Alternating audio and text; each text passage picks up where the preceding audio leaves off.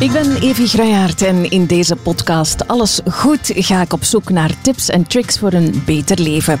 In deze aflevering wil ik het graag hebben over leven met een fysieke beperking. Hoe lastig is dat? Is onze maatschappij daarop genoeg afgestemd? En wat zijn de obstakels en wat zijn de vooroordelen over mensen met een beperking? Ik praat erover met podcastvriendin en radiocollega Caroline de Becker, VRT-collega Harry Viane en met Beno Schrapen, orthopedagoog lector en onderzoeker aan de AP Hogeschool. Een expert als het gaat over inclusie. Um, veel volk om het aan te vragen, maar ik wil het altijd gewoon wel weten. Um, Carolien, alles Ja. goed? Eh, over het algemeen wel, ja. Maar Dit nu, op dit moment? Ah, nu, op dit moment, ja. Gezellige ruimte, toffe mensen, ja, leuk. Ja? Ja? Oké, top. Um, Beno, alles goed? Ja hoor, Ja? sluit daarbij aan. Ja? Oké, amai, alles is goed met iedereen. Harry, met jou? Ja, prima. Maar zeg, ja, Dat is toxische positiviteit hier aan tafel. Ja, daar moeten we mee oppassen. Ja. Ehm, goed, het gaat over leven met een beperking. Eh Carolien, jij weet daar ook alles van. Hè? Je hebt een prothese na kanker. Ehm, aan je linkerbeen. Hè? ja. Hoe lang is dat al? Dat been, of hoe lang ik... Nee, ik hoop ja, dat dat al lang is, dat been. Maar eh, ja, dat je die prothese hebt. Sinds mijn 18. Dus, amai, wacht, dat is eh, 26 jaar. Dat is Ja.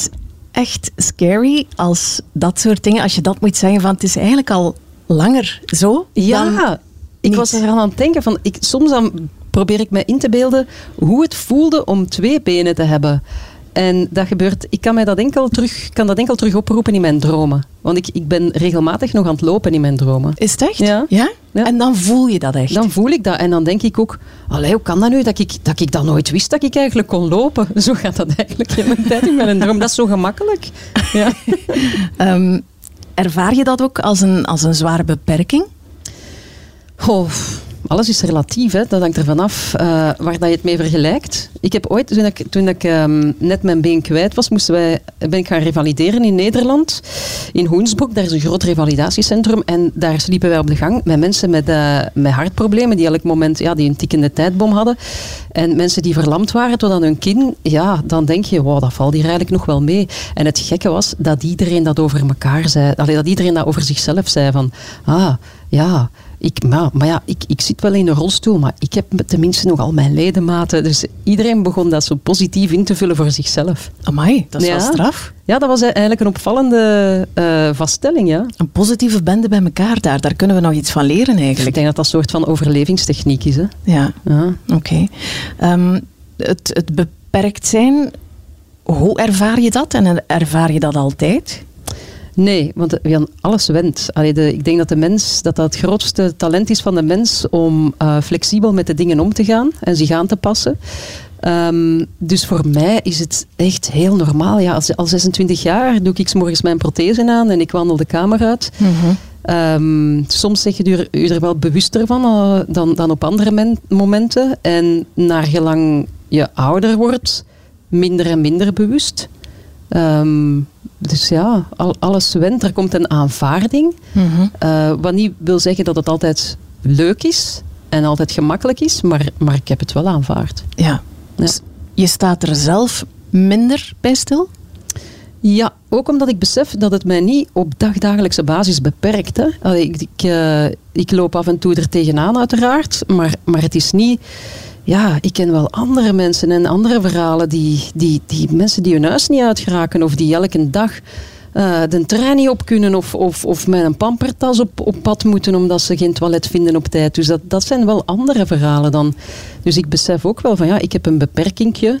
Ik heb ook een, een, een schouder en een arm die afhangt, die ik niet kan omhoog krijgen. Ehm, maar in het licht van mijn been vind ik dat dan weer geen beperking. Dus allee, je, je, Toch zot, hè? ja, je gaat toch altijd afwegen en vergelijken en relativeren. En, en ja, het, uiteindelijk is het ook maar een stuk ledemaat. Ja. Harry, naar jou. Eh, jij bent blind geboren, hè? Ja inderdaad. Ja. ja. En jij werkt hier op de VRT als eh, audioarchivaris. Ja, radioarchivaris eigenlijk. Hè. Dus ik eh, werk hier inderdaad al 15 jaar ondertussen. Aha. Waar ik dan hoofdzakelijk de radio-interviews en eh, alles wat met ehm, eigenlijk in mijn geval vooral met Studio Brussel en M&M te maken heeft. Mhm. Archiveer, ja. Ja, hoe ervaar jij je beperking? Ik sluit mij volledig aan bij hoe Caroline dat eh, net vertelde. Eigenlijk merk ik dat eh, iedereen die ik tegenkom en die mij niet kent, die vinden altijd, en dat is in alle gevallen zo, mijn beperking veel erger dan ik dat zelf vind. Ah ja. Iedereen zegt dan van, oh, dat moet toch zo erg zijn als je niet kunt zien en wat je dan allemaal niet kunt. Eigenlijk focussen die altijd op wat dat je niet kunt. Ja. Omdat ze natuurlijk niet beter weten. Mhm. Terwijl dat, dat jij als persoon met een handicap, alleen in mijn geval dan, eh, door het feit dat dat van bij mijn geboorte is, daar, ik heb me daar nooit mee bezig gehouden met wat ik niet kon. Echt Dat nooit? Was, nee, eigenlijk niet. Jawel, wacht, ik zou liegen. Ik, ik weet dat ik als... eh, ik, kan, ik kan me dat moment nog herinneren. en Ik denk dat ik- dat op mijn achtste verjaardag was. Dat ik me ineens keihard bewust was dat ik nooit met een auto ging kunnen rijden. En ik vond dat verschrikkelijk. Mhm. En ik weet nog dat mijn moeder mij toen getroost heeft. En ehm, eens dat besef door was, was het ook ergens voorbij. Ja. Ik ben daar niet in blijven hangen. Mhm. Eh, Maar misschien ben jij gewoon een heel positief ingesteld persoon. Ja, dat heb ik wel al dikwijls gehoord. Ja, ik denk, denk het wel. Om, om maar een kleine anekdote te geven. Ehm, toen ik mijn, mijn vrouw, toen nog mijn lief, eh, pas eh, leerde kennen. Mhm. ehm, toen ging zij kort daarop naar Madrid voor een jaar op Erasmus. Oeh. Ik denk dat het geen veertien dagen geduurd heeft, of ik had ook al het vliegtuig genomen naar, eh, naar Madrid, om haar te gaan opzoeken. Maar ik heb er nooit bij stilgestaan dat dat niet zou kunnen. Ik heb dat gewoon gedaan. Ja. Ik weet dan nog goed, toen ik daartoe kwam, die mens die dan me naar de inkomhal moest brengen, die, die, die, die, die- de Spanjaard, dus ik had begeleiding geregeld en zo, ik had alles wel voorbereid, Mhm. die sprak geen woord, geen woord een andere taal. Geen woord Frans, geen woord Engels, niks. Dus ik moest dan uitleggen dat ik naar de inkomhal moest, dat daar iemand op mij wachtte en dat hij er zo en zo ongeveer uitzag. Ja, ja, ja die verstond mij dus niet. Hè. En ik, ja, ik kan niet gebaren, dus ik kon ik niks uitleggen. En dan, had, ja, dan heeft hij de reflex gehad van, hij, besefte hoe dat hij het probleem was, eigenlijk in dat geval, van er iemand anders bij te halen, waaraan ik het dan wel kon uitleggen. En daarmee was het dan weer opgelost. Maar dat lag dus niet aan het feit dat ik niet zag. Hè. Ja. Dat lag eigenlijk aan het feit dat hij gehandicapt was, omdat hij geen enkele andere notie van talen had eh, in plaats van Spaans. Ja. Allee, ja, Ja. Zo, zo van die dingen. Dus ik, ik kon er niet mee bezig zijn met wat ik niet kon, want dat was eigenlijk helemaal niet met mijn schuld. Maar dat zou was het het ook kunnen- obstakel, denk ik. Zou het ook kunnen dat dat, die, dat, dat positivisme dat dat een keuze is, omdat je denkt, ja, het is nu eenmaal zo, je kan ofwel je hele leven lang er elke dag baf tegen blijven aanlopen, of je aanvaardt het en je, en je focust je op iets positiefs. Want ik zie dat toch als, een, eh, als mensen met een beperking gaan dat als een soort van, ja, ik zeg het, als een soort van overlevingstechniek Ja, wel, aanleren. wel. Van ja, je hebt toch geen keuze. Ik kan toch niet blijven jammeren over het feit dat dat been er niet meer is. Alleen Nee, dat ik niet meer dit en dat en dat kan doen. Ja, Voilà. deel with it en kijk naar wat er wel kan. Ja, dat, dat klopt zeker en vast. En in mijn geval is dat eigenlijk redelijk gemakkelijk, omdat ik het nooit anders geweten heb. ja. Denk Ik je heb- dat dat een groot verschil is? Ja, ja ik denk Ja. het wel. Alleen ook niet bij iedereen, hè? want ik, ik ken ehm, van allerlei soorten blinde mensen die blind geboren zijn en, en, heel weinig zelfredzaamheid hebben, of die blind geworden zijn en wel heel veel zelfredzaamheid hebben en een plan kunnen trekken. Mhm. Dus het heeft ook wel deels met uw karakter te maken en zo.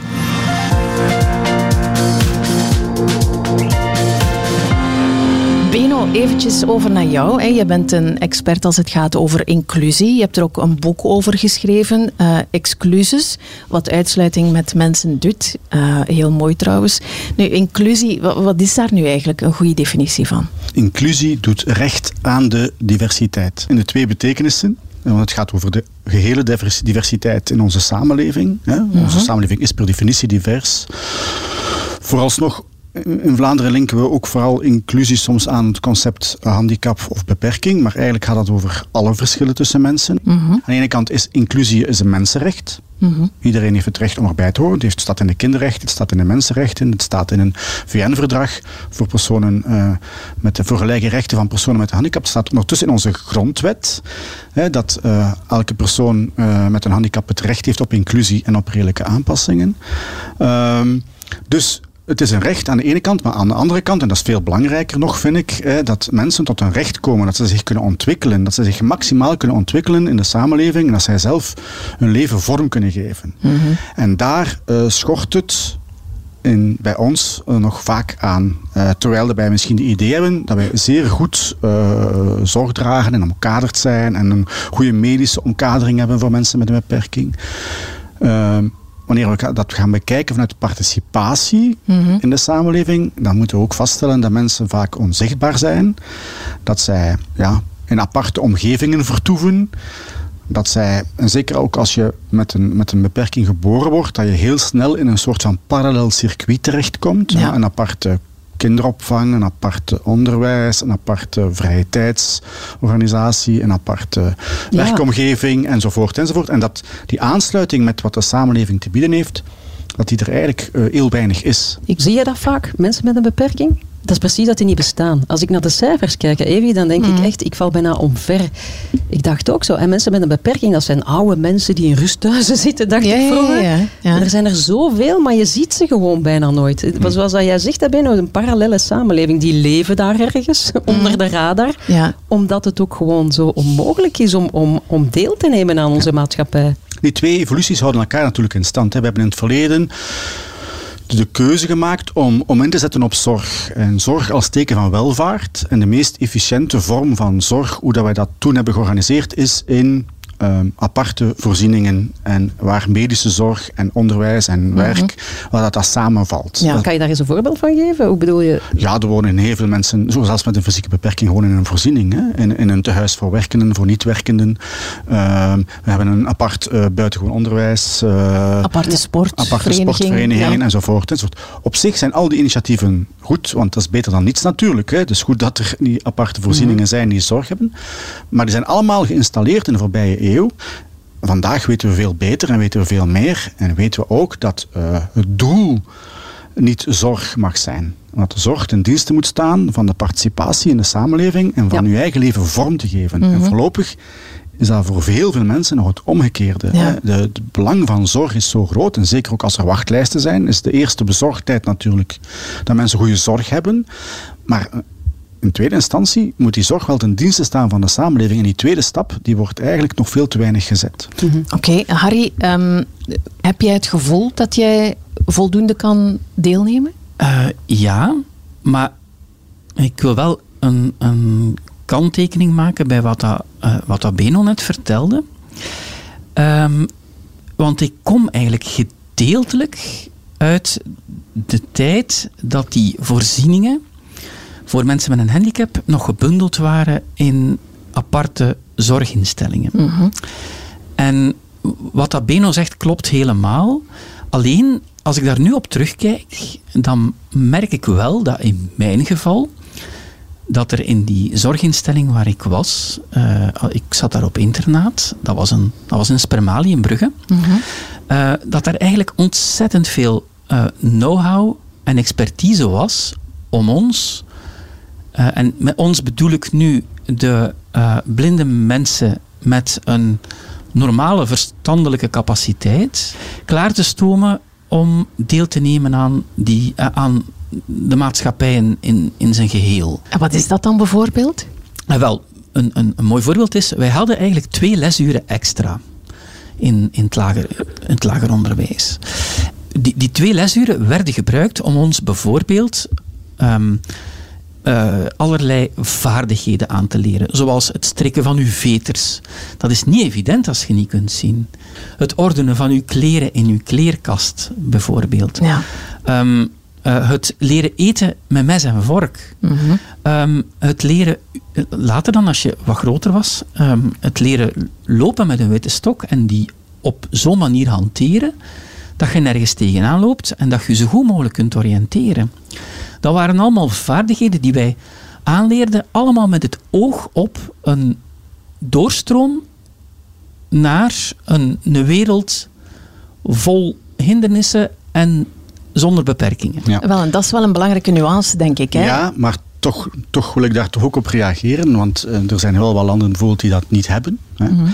uh, en vandaar ook de vraag bijvoorbeeld, hè, stel dat je niet op internaat had moeten en je kon gewoon naar de school in de buurt gaan en je kon daar die aparte lessen volgen, hè, dan krijg je ook een andere situatie, want dan krijg je ook veel meer connectie met de buurt waar je leeft. En ook krijgt die buurt waar je leeft en de omgeving waar je leeft, daar ontstaat ook de urgentie om je omgeving aan te passen aan de mensen die daar wonen. Ja. Ja, ook- Door het feit dat, dat mensen nu eh, met bussen worden weggevoerd naar een apart onderwijs, zijn ze niet zichtbaar in, in, de, mo- in de mobiliteit en in, eh, in de maatschappij. En bestaat ook de behoefte niet om daar eh, spoed achter te zetten om die maatschappij toegankelijk te maken. Want ze, zijn, ze zitten alleen maar in zeer veilige en goed omkaderde omgevingen waar, waar, goed voor, waar goed gezorgd wordt, daar staat buiten kijf. Ik heb zelf ook vijf jaar in, in het buitengewoon onderwijs gewerkt en daar wordt goed gewerkt. Dat doet geen afbreuk aan, aan het werk dat mensen daar doen en expertise die daar is en hoe men daar werkt. Daar wil ik zeker geen afbreuk aan doen. Het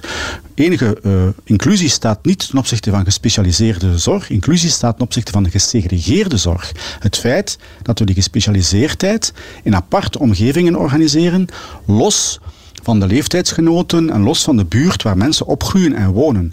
En dat heeft eigenlijk zeer grote consequenties, omdat ondertussen wordt bijvoorbeeld de, de, de vrije tijdsbesteding waar men woont, wordt niet ontsloten, want Nee. de mensen zitten in een andere school. Hè? Enzovoort, enzovoort. En we, we denken er ook bijna nooit Ja, aan. Hè. Ik, alleen, als ik met mijn rosto ging shoppen in Antwerpen of zo, dan, dan ging ik echt specifiek echt van mijn tak maken. Hè. Van, van, sorry, ik raak uw winkel niet binnen. En die mensen, dat was precies de eerste keer dat die dat gehoord hadden. Van, ah, ja, goh, ja, misschien moeten we weer eens een plankje leggen. Maar ja, dan, kun, allee, dan denk ik, hoe kan dat nu dat er zo nog nooit over nagedacht Nee. is? Om, omdat wij ook nooit in het straatbeeld verschijnen. Of, of eh, ze, ze worden daar ook gewoon niet mee geconfronteerd. Heb, heb jij je dan vaak eh, uitgesloten of buitengesloten gevoeld? Ja, ik heb toen echt gevoeld wat het is voor mensen om, om echt, maar dan ook echt beperkt. Allee, ja, ik heb ook een beperking, maar ik kan echt wel, ik raak overal nog. Ehm, ik was er echt van gechoqueerd gewoon. Echt gechoqueerd. Ik werd er zo droevig van. Eh, ineens voelde ik ook van wat een tweede rangsburger dat je ineens zei. Ja. Er wordt geen rekening met u gehouden. Je zijt niet belangrijk. En dat, ik vond dat zo erg. Dat, dat, ja, dat gevoel dat je dan krijgt, een inferioriteit tot en met dat, wat dat, dat doet met je met uw eigen waarde, dat is, dat is waanzin. Ja.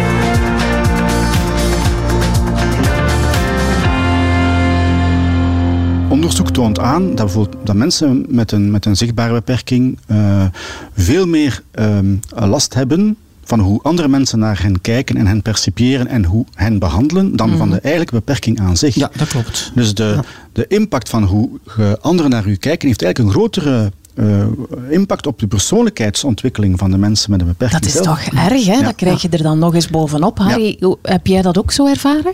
Ja, eh, eh, zeker wat dat Caroline net zei. ehm, eh, dat je tweede rangsburgers voelt. Ik heb dat bijvoorbeeld ook met ehm, het, het aanpassen van kruispunten om over te steken als blinde. Hè. Ehm, eh, zeker als het grote en, en in, in dat geval dus onoverzichtelijke kruispunten zijn. Voor ons auditief onoverzichtelijk, omdat ze te groot zijn. Dan en, en er staan rode lichten, dan kan ik eigenlijk niet alleen oversteken. Om- omdat dat gewoon niet gaat. Je weet niet wanneer het voor u als voetganger groen is. Bijvoorbeeld, ze zijn nu vlak bij mij, het, hebben ze het kruispunt waar ik woon aangepast.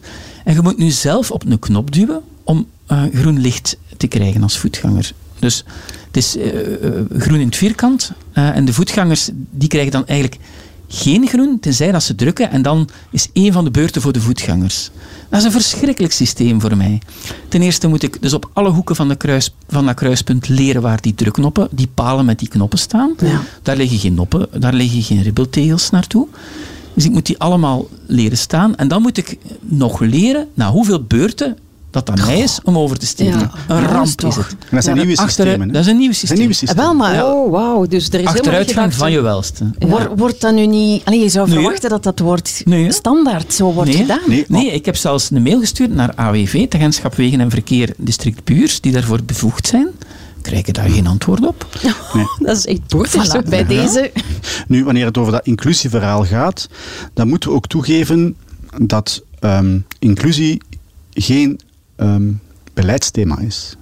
Ja. Nee, Het is, geen niet- beleidsthema. Nee. Hè. Op geen enkel vlak, niet op vlak van mobiliteit, niet op vlak van onderwijs, niet op vlak van tewerkstelling enzovoort. Het, langzaamaan begint het, maar we, we lopen hier historisch achter ten opzichte van heel veel andere landen. Iedereen die naar het buitenland gaat, weet sowieso dat in, in, in grootsteden en andere landen de, de mobiliteit en de toegankelijkheid veel groter is dan, dan bij ons. Daar is Nee, niemand echt mee bezig. Daar ben dan, ik het helemaal mee eens. Er zijn, in, in de samenleving zijn daar heel veel mensen mee bezig. Ja, maar- structureel, omdat als geen enkele politieke partij heeft de inclusie van personen met een handicap in zijn programma staan. Nee, Geen enkele.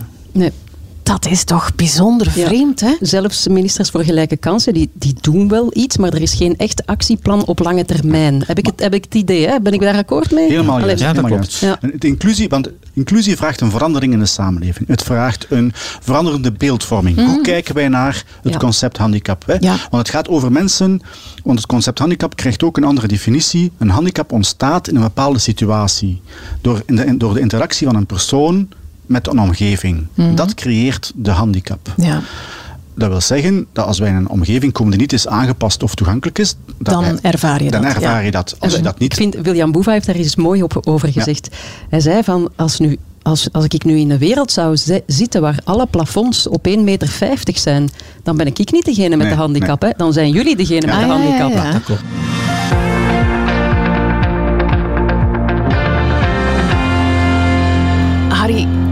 Jij een soort van rolmodel zijn? Want iedereen kent jou hier hè, op de VRT. Nee, helemaal niet. Oei, nee. Maar nee, ik, ik, ik, Maar wil, heb- ik wil geen rolmodel Echt niet, zijn. want is dat, maar is dat ik niet, daar niet mee bezig? maar is dat niet iets waar andere mensen veel kunnen aan hebben? Ja, dat is iets anders. Dat andere mensen daar veel kunnen aan hebben. Maar ik ben daar aan zich niet mee bezig. Ik ben potverdorie heel de dagen bezig met eh, mijn twee kinderen groot te brengen. en te proberen van, van allee, zo goed als ik kan eh, eh, mijn best te doen eh, in, in ons gezin en op het werk. Net zoals jullie eigenlijk. Ja. Maar ik ben ik niet bezig met, met een rolmodel te zijn. nee, nee, nee, nee. Ehm, Maar je bent het wel ergens, hè? ja, in, in zekere zin wel.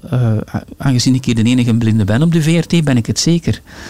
Ehm, en als er morgen iemand komt die het nog beter doet dan ik, ben ik het niet meer. Bij wijze van spreken. ja, maar beter komt het op is neer. Ja, voilà, voilà, dat komt, als er morgen iemand komt met, met een half been... ehm, en eh, die doet daar iets mee dat jij niet doet met je één been, eh Caroline. Ja. eh, ja, dan is het gedaan met u. Hè. Ja, gaat uw Iemand status. die Allee, nog beperkter dus is nee, ja, voilà. Maar ik ben daar dus totaal niet mee bezig. Ja. Tot integendeel. Als ik bijvoorbeeld ehm, eh, ja, God beter door de regen moet lopen om de jongste te gaan halen van de circusschool omdat de bus niet rijdt, dan eh gniffel ik in mijn eentje wanneer ik heel de file eh, auto's voorbij loop die eh, later op de avond allicht een boze Facebook-post ingezet van Mechelen als je gaan zetten waar ik woon. Ik heb weer heel de dag in de file gestaan op de ring. Eh, en zo gaat dat. Ze zitten dan in een warme auto Ja. en gezellig met de radio op aan het luisteren naar deze podcast of naar iets anders. Maar ze maken zich s'avonds wel kwaad omdat ze stil hebben gestaan. Ja. Ik loop door de regen en door de wind helemaal tegen mijn gedachten, want ik zou ook liever in zo'n auto zitten. Eh, maar ik bezie daar de, de positieve kant van in. Hè. Eh, ik ben tenminste op tijd op mijn afspraak. Ja.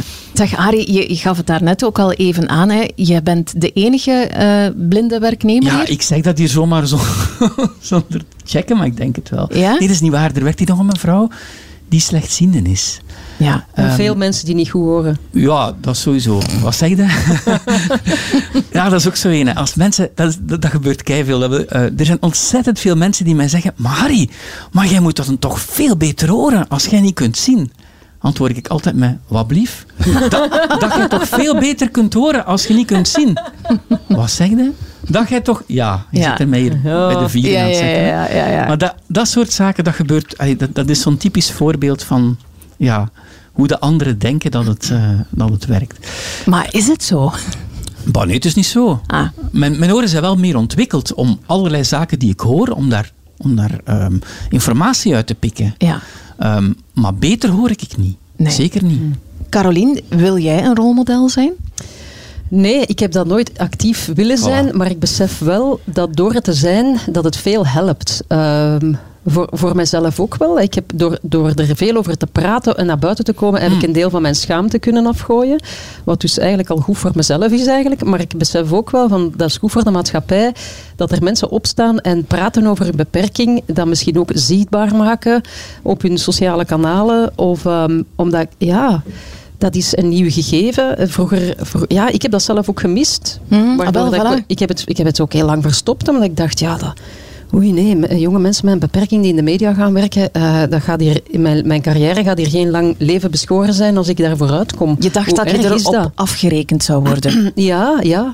Omdat, ook, omdat ik het ook nergens zag. Ja. Dus je voelt je sowieso een alien en, en lelijk. En hoe ga je daar dan mee om? Als je het nergens ziet, dan, dan voel je je toch een, een eigenaardig iemand. Ja, dat was ook zo. Wat, wat heeft dat gedaan met jouw psyche, met jouw mentale well-being? Wel, nu besef ik eigenlijk dat het erger was dan ik besefte op dat moment. Um, want ik heb het echt verstopt. Ik heb net zoals jij uh, uh, even voor Vlaanderen Vakantieland gewerkt. En ik heb dat verstopt voor die producers. Omdat ik dacht, ja, dan gaan ze mij niet meer uh, durven op, op pad sturen of... of ja, ik, ik, mag dat niet tonen, ook bij Ketnet. Ik, ik, ik, heb dat gewoon verstopt.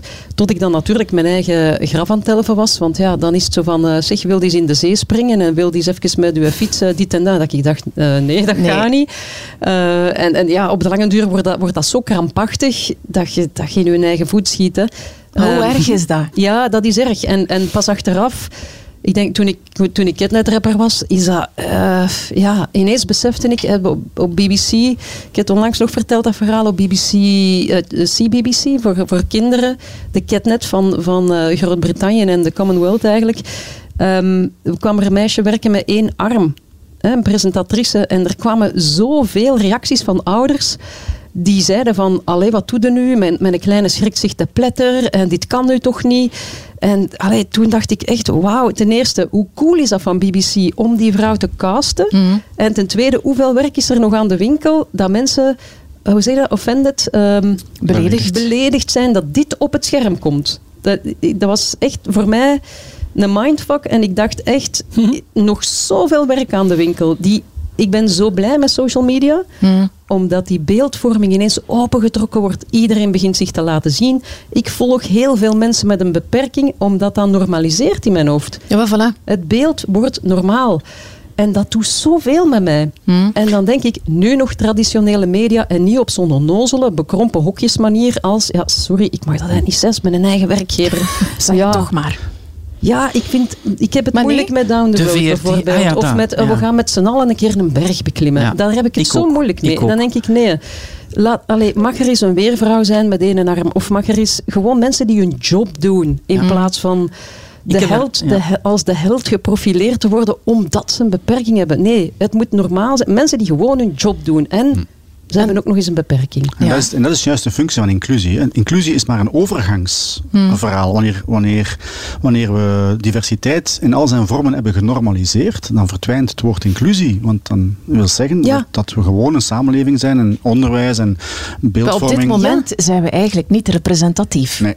Nee, nee, we gaan iemand echt uh, eruit lichten en we gaan daar een held of iemand schattig mhm. van maken. En, en hè, kom er maar bij, hè, want jij bent ook oké, hoor. Ja. Snap je? Dat, dat, dat, gevoel. Harry, ik zag jou ook hevig reageren. Ja, ja, ik moest ineens denken aan een fantastisch verhaal dat me altijd is bijgebleven. Vertel. Ik ben de titel van, van het programma vergeten, maar dat was een programma met Lieve Blankaart waar tien mensen met een handicap een berg, uh, op, op, op pad gingen en van alles gingen doen. En daar zat ook een blinde bij, daar zat uh, iemand bij met dwerggroei, uh, iemand in een rolstoel en een dove. En de grap is dat dus die een dove meneer, dat was trouwens de meneer van Meulenbeke. Alright. Denk ik, Jeff heette hem. Ik ga dat nooit vergeten. Die, die um, werd dus door al die anderen ja. gebruikt, maar ik kan het niet anders zeggen, gebruikt als ezel. He, dat was de ezel, want chef had twee armen en twee benen die kon, en die kon, uh, die kon die een blinde begeleiden, die kon de dingen dragen, die was sterk en weet ik veel wat. En na vijf dagen was die mens kapot. Kapot van al dat werk. En kapot van verdriet, want niemand had de moeite genomen om met hem te spreken. Ja, die was, ik, dat verhaal is ah. mij altijd bijgebleven. Ja. ja. Die, was, die was eigenlijk het meest gehandicapt van allemaal, tussen al die gehandicapten. Die vergaten om, Ja, ja, ja, ja. om, om hem er, erbij te nemen. Ja, erin te betrekken, echt. Ja. Maar het interessante is dat die programma's dan gemaakt worden vanuit het idee dat men iets positiefs doet. Hè? Ja, dat men, dus- dat men, maar die dat doen men ook wel gedeeltelijk dat iets positiefs. bijdraagt tot een positieve beeldvorming. Alleen, je bepaalt niet welke beeldvorming er in de huiskamer binnenkomt. Hè? Mhm. Ehm, Nee. En voor hetzelfde geld kijken naar mensen naar en zeggen: Amai, ja, kijk hier, hè, al die Dutsen die een berg willen beklimmen. Hè. En als we kijken naar, naar down. ja, of, of zijn er anderen eh, in een huiskamer die zeggen: Amai, zeg knap, eh, dat is wel eh, straf wat die dat doen. persoon, Ja, sterke ja. persoonlijkheden. Amai.